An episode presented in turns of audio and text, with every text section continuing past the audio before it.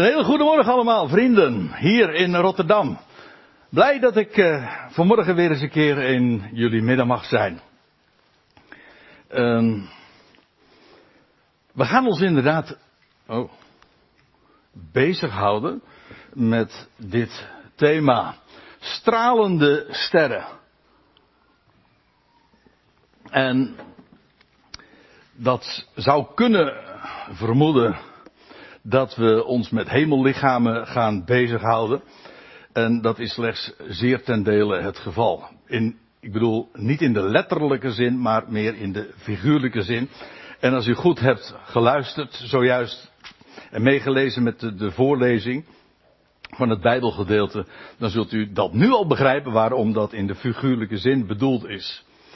En laat ik eerst even, dat lijkt me wel handig, Voordat we nou naar Filippenzen 2 toe gaan en dat gedeelte, die paar versen die zojuist zijn voorgelezen, gaan uh, bespreken. Laat ik eerst eventjes wat uh, dingen in het algemeen zeggen over deze Filippi-brief.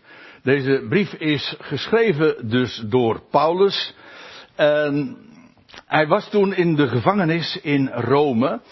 En dat, die periode dat hij daar in de gevangenis zat, dat wordt beschreven helemaal aan het einde van het boek Handelingen. Twee jaar heeft hij toen gevangen gezeten en ik vermoed uh, dat hij inmiddels aan het einde van die tweejarige periode zich uh, bevond, omdat uh, Paulus er al melding van maakt dat hij spoedig zou worden vrijgelaten. Dus we moeten dan waarschijnlijk denken aan het jaar 62, zo ongeveer. Pin me er niet op vast, trouwens. Het is heel lastig mij daarin te corrigeren. Want u weet het net zo min, absoluut zeker. Maar in die periode ongeveer moeten we dan toch denken. Uh, ja, de brief is dus geschreven vanuit Rome. En naar Filippi. Dat was een, een Romeinse kolonie daar in Macedonië. En die Ecclesia, het ontstaan daarvan, wordt ook in het boek Handelingen beschreven. En wel in Handelingen 16. Er zijn uh, betrekkelijk uh, bekende geschiedenissen. Eigenlijk ook uh, aan die locatie verbonden.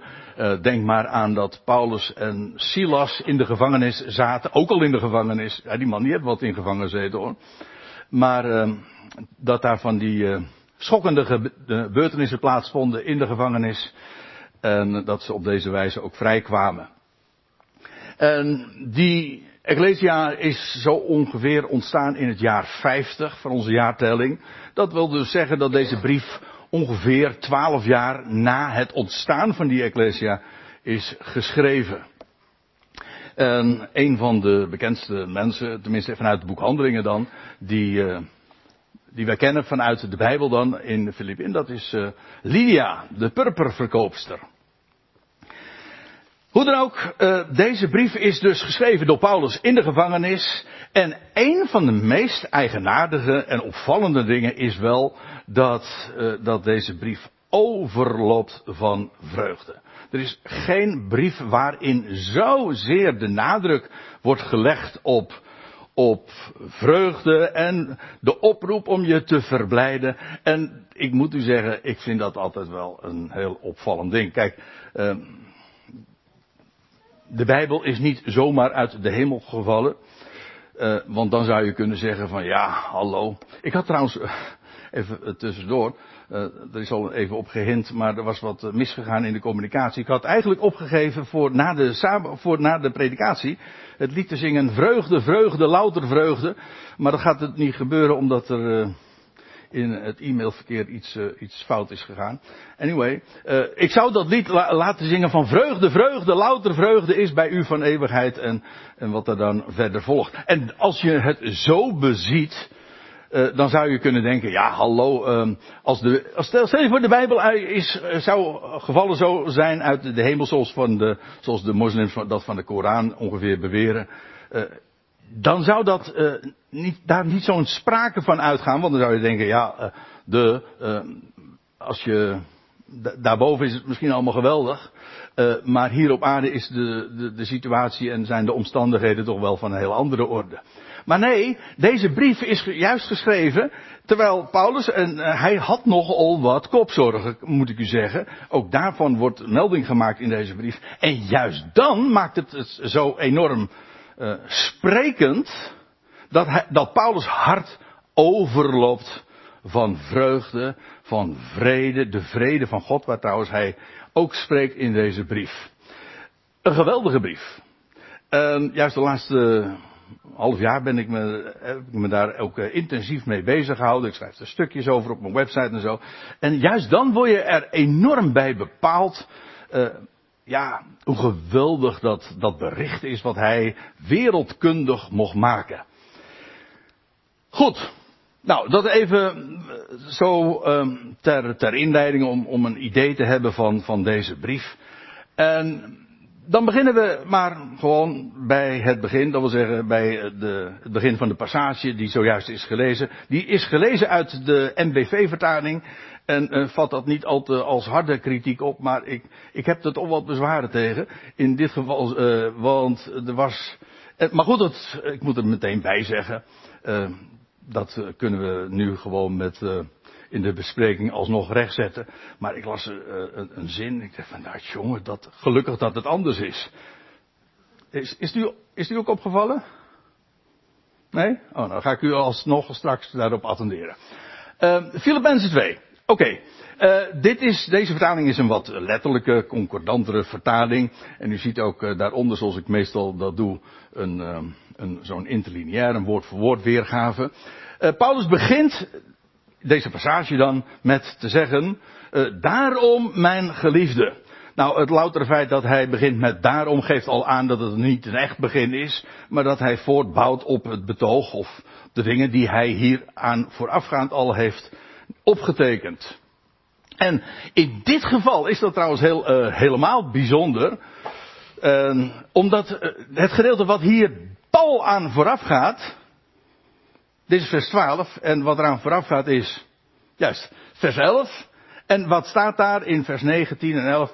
Dat, dat God Jezus heeft verhoogd. Hij heeft zich, Christus Jezus heeft zich vernederd tot de dood. Ja, tot de dood van het kruis. En dan staat er, daarom heeft God hem ook uitermate verhoogd. En de naam gegeven boven alle naam. Opdat in de naam van Jezus, God, Jaweh, red betekent dat. Opdat in de naam van Jezus elke knie zal, zou buigen en elke tong, niet de lippen, nee, elke tong zou beleiden van binnenuit tot uh, dat Jezus Heer is. Tot heerlijkheid van God de Vader. Dat is vanzelf. En dan staat er vervolgens in vers 12. Uh, daarom, mijn geliefde, dus met andere woorden, op grond van dat wat ik zojuist heb gezegd, uh, volgen de, de aansporingen die hij nu in deze navolgende versen gaat doen.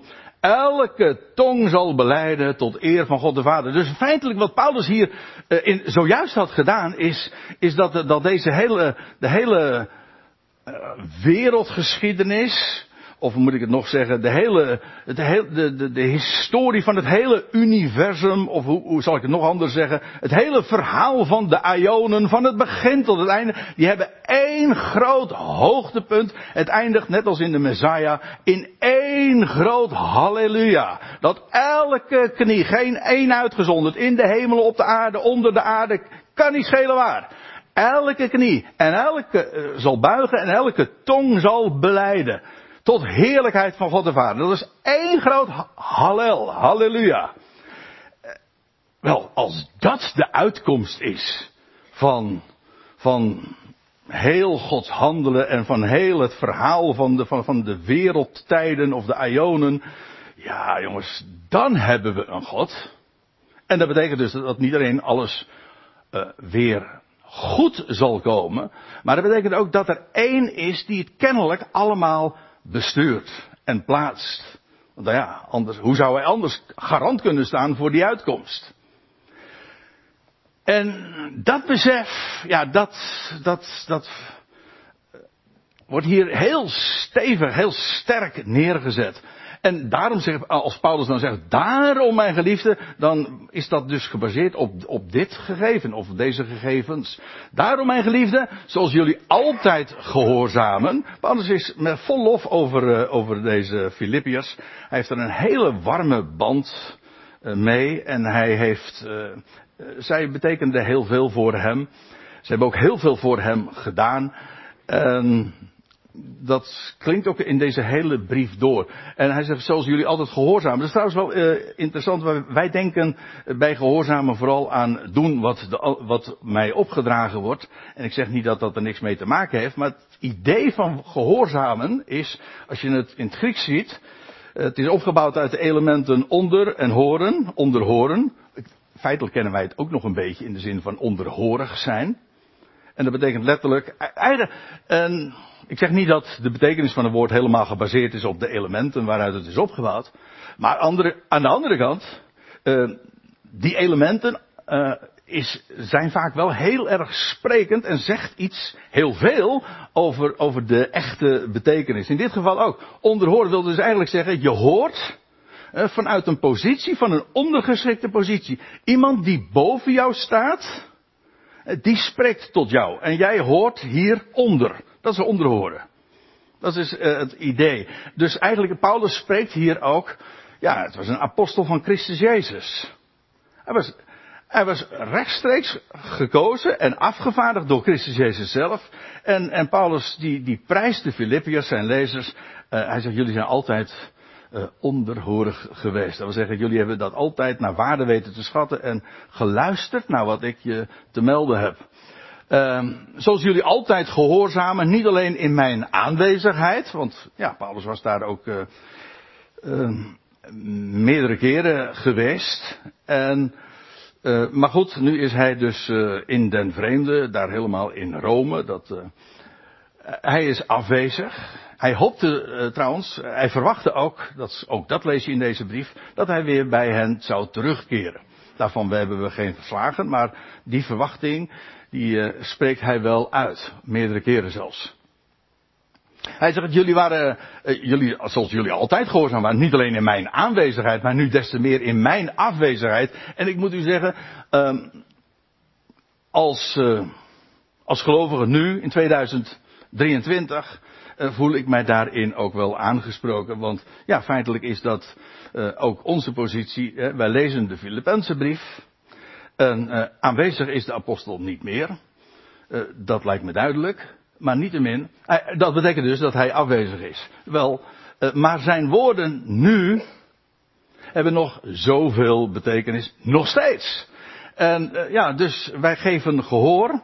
We luisteren naar wat hij te melden heeft. Niet alleen toen hij ooit in de eerste eeuw onder de Filippiërs was en toen hij inderdaad hier nog onder ons was, om zo te zeggen, maar ook nu hij al lang niet meer uh, onder ons is. Uh, zijn, dat wat hij te melden heeft, is nog zo steeds veelzeggend. En dan zegt hij, ja, niet alleen in mijn aanwezigheid, maar nu ook des te meer in, in mijn afwezigheid, werk jullie redding uit. Oh, en hier, hier liep ik eventjes op vast toen het zojuist werd voorgelezen, want nou ben ik even kwijt hoe het precies stond in de MPV-vertaling. Uh, maar er stond zoiets als, span jullie in voor jullie redding. Ik weet niet, maar uh, dan stijger ik uh, meteen, hè? Schrijft Paulus dat? Span je in voor je redding? Pardon. heb, ik, heb, ik, heb ik Paulus' brieven niet helemaal goed begrepen? Trouwens, de Bijbelse boodschap in het algemeen. Span je in voor je redding? maar dat is het ook niet. De redding is gegarandeerd. Trouwens, wij zijn gered. Hoezo inspannen voor je redding? Alsof die redding onzeker zou zijn. Zojuist had hij nog geschreven, opdat in de naam van Jezus, Jaweh, red, elke knie zal buigen en elke tong zal beleiden. Hoezo inspannen voor de redding? Die redding is toch gegarandeerd? En wij als gelovigen zijn inmiddels ook gered. De redding van iedereen is gegarandeerd, maar uh, wij, wij die, want God redt door geloof. Dus als hij de ogen opent, ja, dan is de redding je deel. En dan ben je ook nog verzegeld. Dus dat is ook niet eens ongedaan te maken. Dus hoezo? Span je in voor je redding. Kom nou toch! Maar dat staat er ook niet. Er staat trouwens dit woord. Ik ga nu weer eventjes terug naar het Grieks. Het staat letterlijk zoiets, een werkwoord als neerwerken. Dat wil zeggen, het, het, inderdaad, er wordt gesproken over werken, maar dan met een voortzetsel neer of neerwaarts, kata.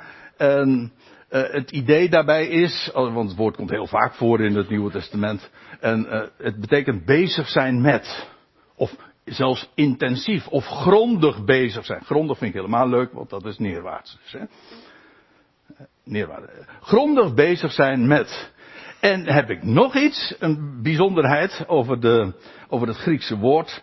En dat is dat dit een, en je ziet dat ook in, die, in de concordante vertaling, dan wordt dat weergegeven. Uh, hoe dat, ja, dat, dat, is, heel lastig. Want wij kennen in het, in het Nederlands, trouwens in alle moderne talen, uh, is een werkwoord of actief of, je, of passief. Je, je rijdt, of je wordt gereden. Eh, eh, maar het Grieks heeft nog iets, ja dat is een hele rijke taal, maar die heeft ook nog een middenvorm, een middle voice of, en dat is, daar zit een actief element in en een passief element. Of een passief en een actief element in.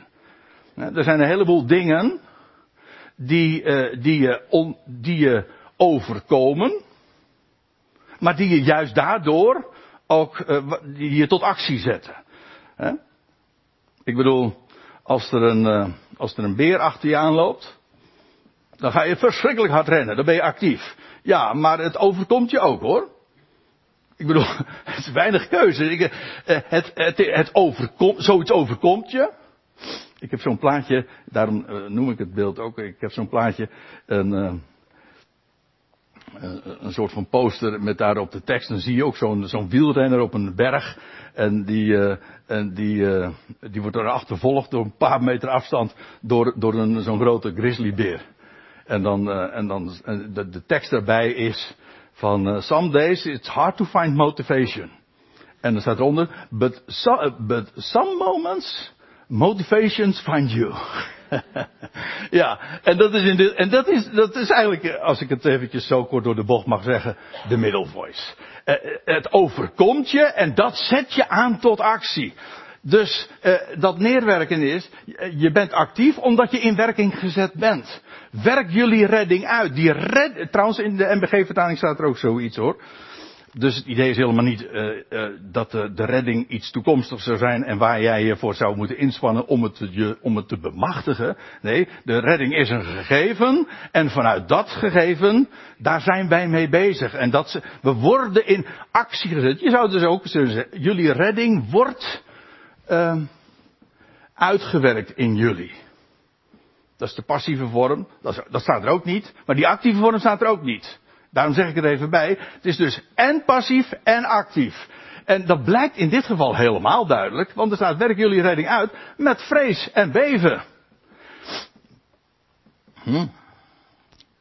Ja, nou begrijp ik ook wel waarom deze tekst nog eens een keer aangehaald wordt door mensen die zeggen van, ja zie je, je kan er nooit zeker van zijn. Zeker. Als je realiseert uh, welke woorden hier gebruikt worden. Ja, vrees en beven zijn al veelzeggend. Maar weet u wat er hier in het Grieks staat? Uh, in, uh, voor, het woord voor vrees is phobos. Daar is ons woord fobie van afgeleid. En het woord voor beven, dat is tromos.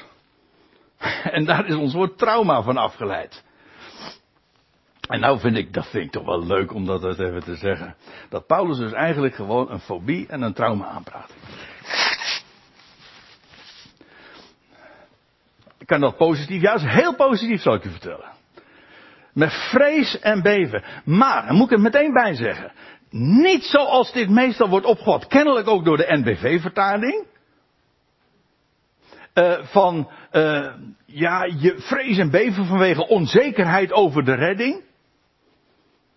Nee, het is precies omgekeerd. Daarom, ik struikel erover, niet omdat het een misverstandje is. Het is, het is falikant fout, dan heb je de hele strekking niet begrepen. Het gaat er juist om, de redding is absoluut Gegarandeerd. Ik zal u vertellen, er staat niet alleen in Filippenzen 2, dat, waar, ik, waar ik mee begon, van dat, dat, dat God belooft dat elke knie gaat buigen en elke tong zal, uh, zal beleiden. Het staat er nog sterker, want het is ontleend aan Jezaja 45. En dan staat er zelfs dat God dat gezworen heeft. Nou, dat doet God niet vaak. Een paar keer lees je dat God een, een eed zweert. En dan zweer, ja, dan zweer je bij de hoogste en dan zweert God dus bij zichzelf. Maar dan zweert hij. Dus, dus een, een, dat is een, vandaar ook dit, hè. Een dubbele zekerheid. Als God belooft, dan is het vast. Maar als hij iets zweert, nou dan, eh, dat is juist om te doen blijken, zo wordt het in Hebreeën 6 ook uitgelegd, eh, dat het absoluut zo vast is. Juist dat wordt daarin benadrukt. En wat Paulus hier zegt, is die redding is absoluut geze- uh, heeft een absolute zekerheid. En het is God die het belooft. En wee je gemeente dat je van die zekerheid ook maar iets afhaalt. Dus dat je voor die God zo'n ontzag hebt dat je bang bent om afbreuk te doen aan zijn belofte. En dat je beeft voor voor, voor de geweldige kracht van wat hij vermag. Hij heeft alles in de hand. En hij, hij heeft, hij staat aan het begin. En hij werkt alles uit. En hij staat aan het eind. En van de beginnen verkondigde hij reeds de afloop. Die God, daar hebben we mee te maken. En als hij dat belooft, denk erom dat je er niks van af doet. Daarom vind ik dit zo'n foute vertaling die gelezen is. Want dan wordt het helemaal op losse schroeven gezet. Dan wordt er gezegd van ja, uh, wees met vrezen en beven, span je in voor je redding. Nee, natuurlijk niet. Die redding is gegarandeerd. En voor ons zelfs een gerealiseerd feit. En ja, denk erom. Dat is God. Kijk, er staat ook, werken jullie redding uit met vrees en beven. Wat een geweldig vrees en beven. Dat je zo'n God hebt, dat, dat je inderdaad bibbert. Wauw, wat een God, zoals je dat soms kunt hebben als je bij zelfs de, bij natuurverschijnselen, weet je, dat het, dat, dat, dat je de, hon, de, de donder en de bliksem hoort en ziet. En dat je, dat je dan beef je. Wauw. En dat is dan nog maar iets van zijn werken, van zijn scheppingswerken. Hoe groot moet die God dan wel niet zijn? Ontzagwekkend. Dat is het. En als hij nou zo'n geweldige uitkomst belooft. Wie ben ik als klein schepseltje om daar iets van af te doen? Ziet u dat het een totaal andere uh, benadering is als die ons in de, in de vertaling worden, wordt voorgeschilderd? Ja, en het, het, wordt eigenlijk ook nader nog toegelicht. Werk jullie redding uit met vrees en beven. En er staat erbij, want God is het die inwerkt in jullie, zowel het willen als het werken voor zijn welbagen. We worden steeds kleiner. Die God, daar hebben, wel, met welke God hebben wij van doen? Wel, die in de mens, in het schepsel, in ons als gelovigen in het bijzonder natuurlijk, want we, we, hij heeft onze ogen en oren reeds geopend en onze harten geopend voor zijn woord, zodat we gehoor geven aan dat wat hij te melden heeft. Maar ook dat is omdat hij dat gedaan heeft. Want als hij uw ogen niet heeft geopend, dan ziet u niks. Als hij uw oren niet heeft geopend, dan verstaat u er helemaal geen bol van. En dan zal het ook nooit landen in je hart. Kijk, over die God hebben we het. Ja, maar de mens heeft toch een vrije wil? Forget it. Weet je wie een vrije wil heeft? God. En als hij jouw ogen wil openen, dan doet hij dat. En als hij zegt van nou nog even wachten, want hij gaat elk hart openen, dus don't worry. Dat is juist het geweldige. Dat is dat goede bericht, die blijde tijding. Maar alles op zijn tijd. En wat een voorrecht als je bij die eerstelingen mag horen. Is dat een verdienste? Nee, natuurlijk niet. Hij roept. Op zijn tijd. En als je hem nu mag kennen, prijs hem. God is het die inwerkt in jullie. Zowel het willen als het werken. Voor zijn welbagen. Dat betekent dus dat er geen enkele factor is. De onwil van de mens of tegenwerking. Die Gods plan kan dwarsbomen. daarom staat de uitkomst ook vast. Solide. Daar kan geen mens, geen schepsel ook maar iets af of toedoen.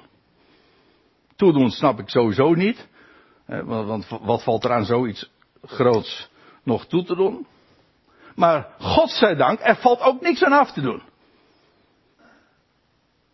En de onwil van een mens, of welk schepsel dan ook, verhindert God niet. Ik vind het geweldig. Dus ja, we hebben het over God. En die werkt het willen en het werken uit. Ziet u hoe ontzagwekkend God hier wordt neergezet? En weet u wat de bedoeling is? Dat je gaat vrezen en beven. Met vreugde. Want als je zo'n God mag kennen, dan weet je, wauw, als mijn leven in zijn hand is, en deze hele schepping onder zijn controle, dan kan er toch niks misgaan. Oké. Okay. Paulus gaat verder. Doet alles zonder mopperen. Uh, er zijn heel, uh, nogal wat varianten op. Mopperen, murmureren. Dat is een oude versie. Uh, die gebruik ik niet, maar mopperen of morren. En redeneringen, of redeneringen die dan weer het, het gevolg zijn van, van dat mopperen. Maar dat is een, ja, kijk, ja, wat, is, wat is mopperen? Nou, ik geef het hier in de aantekening al aan. Het is eigenlijk redeneren zonder God. Want wat betekent het? Als je moppert, dan denk je dat de dingen fout gaan. Toch? Dan ben je niet tevreden over de gang van zaken.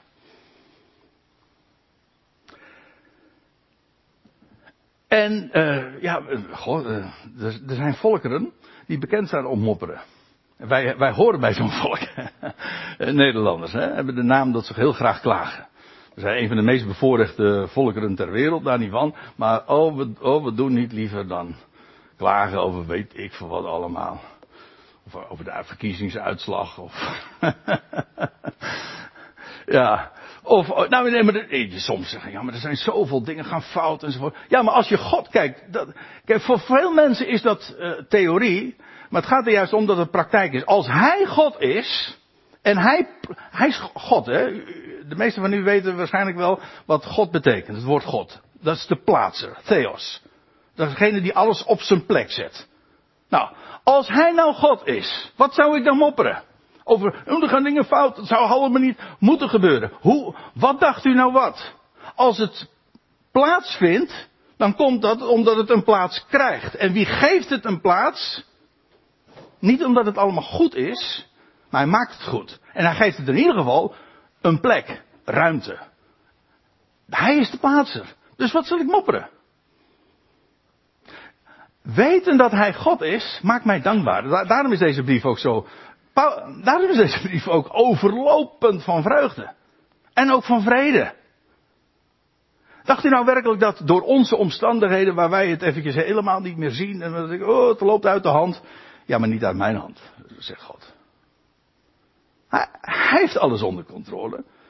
En, en dacht u nou werkelijk doordat ik zorgen heb, of hoe zal het morgen moeten gaan, of volgende week op mijn werk, of in het gezin, of in het huwelijk, of weet je veel. Een mens kan zich wat zorgen maken hoor.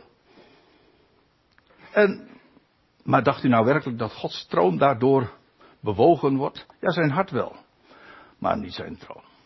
Hij heeft dat zingen we toch ook. Hij heeft, uh, he's got the whole world in his hand. Nou dan. Neem ook, dat zeg ik misschien wat, uh, wat vreemd, maar leef ook uit het volle rendement van die waarheid. Laat het, laat het je niet ontglippen en ga niet mee met de hele wereld ja, klagen. Of, of zelfs als ze zeggen, hoe gaat het ermee? Nogmaals, niet klagen. Zo'n klacht, hè? Ik mag niet klagen. Ik zou het graag willen. Ik doe het bij deze dan ook maar.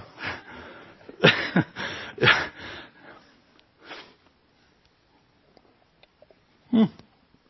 Maar als je God kent, dan kun je hem danken in alles. Ja, zo is, ja dat is toch niet overdreven. Nou, kijk, dat bedoel ik nou.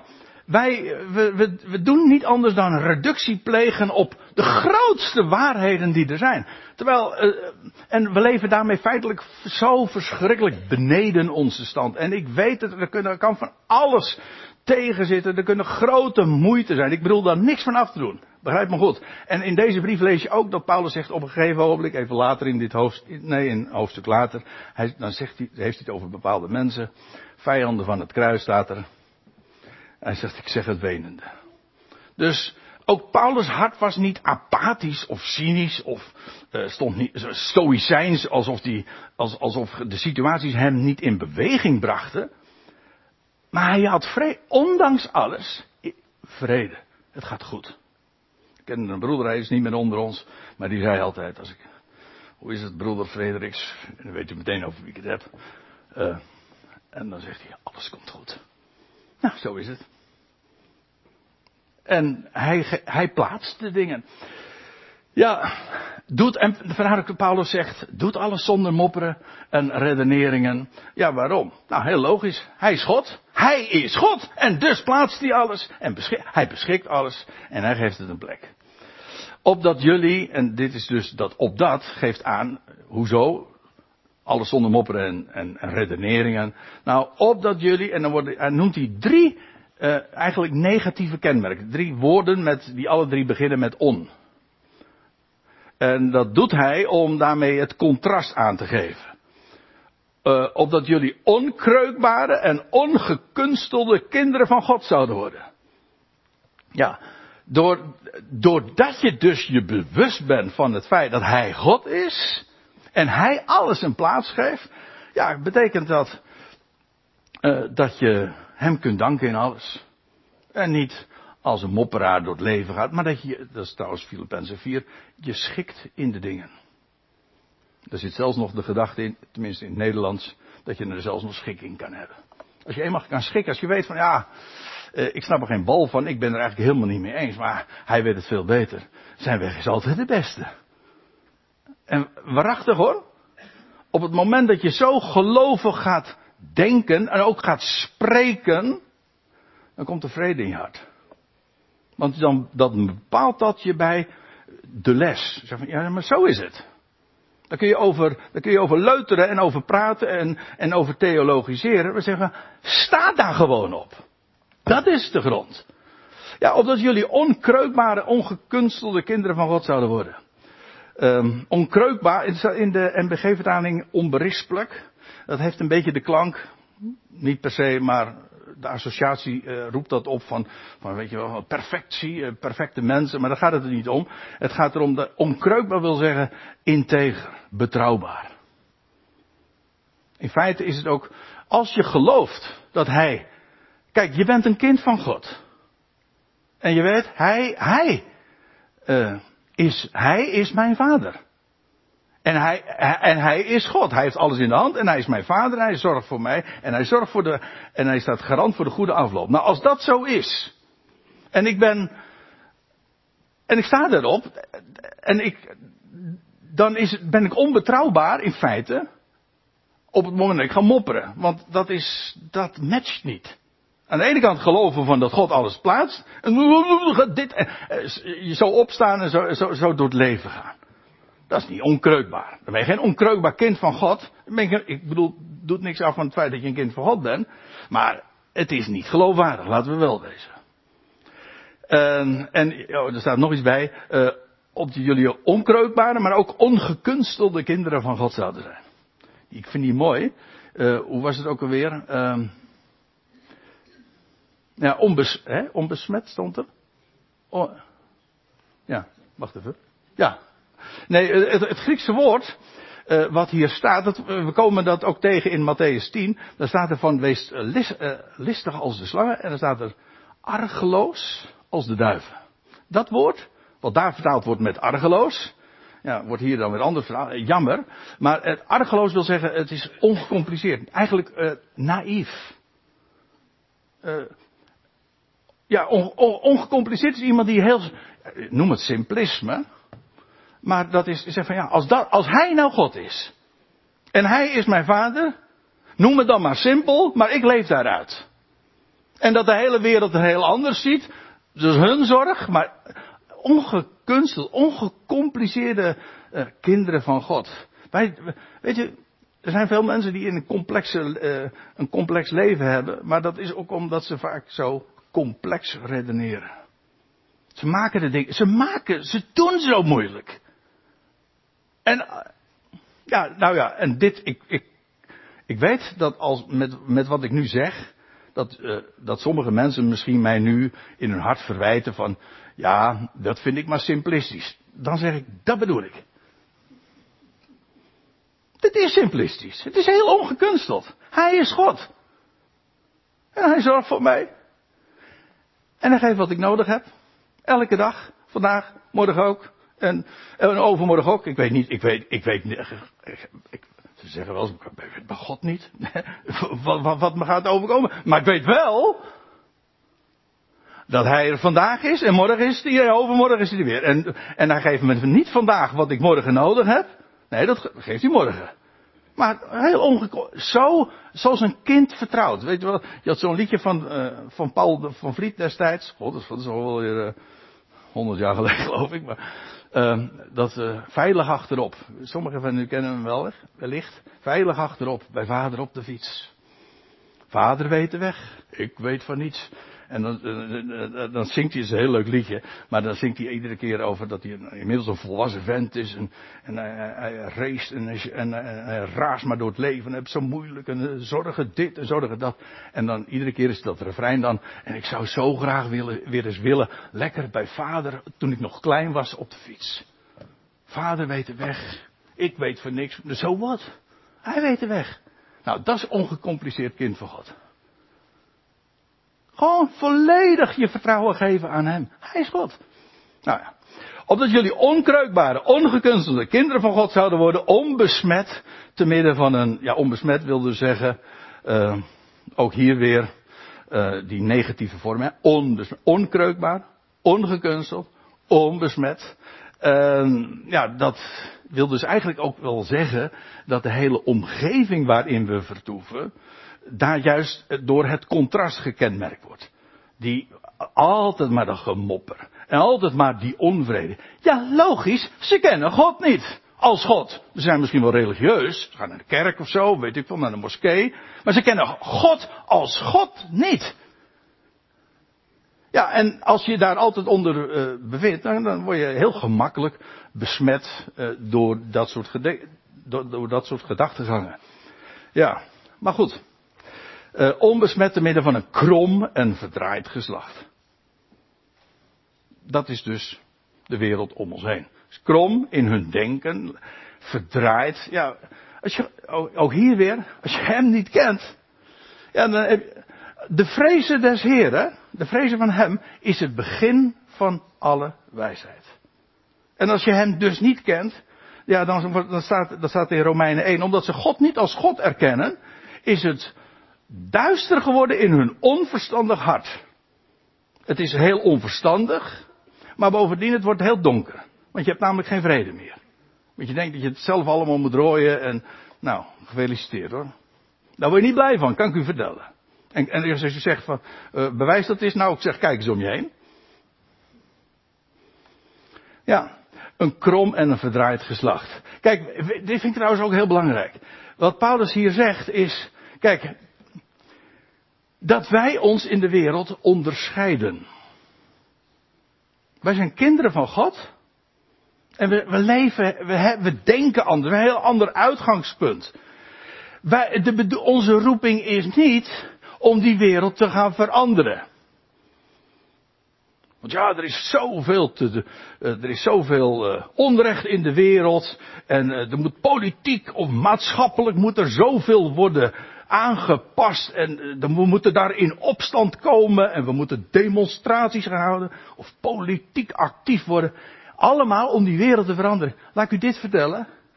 Dat geslacht om ons heen, ik bedoel de wereld om ons heen, is krom en verdraaid. Gaat u niet veranderen, dan ga ik ook niet veranderen. En het mooiste is, dat is niet eens onze roeping. Wij leven ons leven. Wij weten wie hij is. Dat staat er ook bij waarin jullie schijnen als sterren in de wereld. Een ster maakt niet dat de nacht verdwijnt. Toch? Die sterren onderscheiden zich juist, ster, sterker nog, je ziet een ster alleen maar schitteren doordat het donker is. Ja, weet u wat er gebeurt? Als eenmaal de zon opkomt, en ik hoop dat u net zo dubbelzinnig nu luistert als dat ik het bedoel. Als de zon opkomt, de zon der gerechtigheid, de Bijbel spreekt er ook zo over. Ja, dan wordt de duisternis verdreven en dan wordt het licht in deze wereld. Maar zover is het nog niet. Nu is het nacht. Gaat niet veranderen. Sterker nog, kan u, uh, we weten gewoon dat naarmate de, deze aion op zijn einde loopt, dat het alleen maar donkerder wordt. Don't worry. Maar wij, dat geeft juist voor ons de gelegenheid om des te meer te schitteren en te shinen, hè, zeggen ze dan. Waar, hoe? Wel, doordat we hem kennen, er staat er ook bij, waarin jullie schijnen als sterren in de wereld, het woord van leven hooghoudend. Het vers gaat nog iets verder, maar uh, ik laat het hier maar even bij. Maar dat verklaart ook meteen wat dat licht is wat wij hebben. Dat licht dat wij hebben, dat is niet dat we netjes doen of fatsoenlijk zijn of dat we zo actief zijn om de wereld te verbeteren en zo. Dat licht dat wij hebben, wat ons uniek maakt, is de boodschap die we hebben. Dat licht dat in onze ogen straalt. En ja, u weet, de ogen zijn de spiegel der ziel. En als je daarop gefocust bent, dan ga je schitteren. Niet omdat je best doet, maar gewoon je bent, het is een reflectie. Je ziet, je, je oog zijn is, is daarop gericht. En dan, en dan ga je, en dat is, dat is dat woord van. Het woord is, hoe staat het dat in Johannes 1? In het woord was leven. En het leven, was het licht van de mensen. Ja, dat, dat woord is alles. Dat woord spreekt van leven, het is levend, het, het, maakt doden levend. Het spreekt van onvergankelijk leven van hem die de dood eens voor altijd heeft overwonnen en die ook garandeert dat de dood te niet gedaan zal worden. Ja, dat woord van leven houden we hoog. Kijk, dat is wat we hebben. Dat is het licht. En daarin onderscheiden we ons. En daarom kunnen wij ook, omdat we die God kennen, kunnen we ja, ons onderscheiden in die zin dat we daar op het oog richten. En daar de mensen op mogen wijzen. En zo rijk mogen leven. Elke dag. Niet mopperen, niet zaniken, niet zeuren, niet zemelen. God, er zijn wat woorden hoor. Kennelijk, ja, het loutere feit dat we er zoveel woorden voor hebben, dat is op zich ook wel veel zeggen, denk ik dan. Maar, uh, weet u, het is geweldig om zo'n leven te mogen leven. Lichtend, stralend, schijnend. Te midden van een krom en verdraaid geslacht. Mogen wij in een donkere wereld dat licht verspreiden. Geven God dat in ons leven. Amen.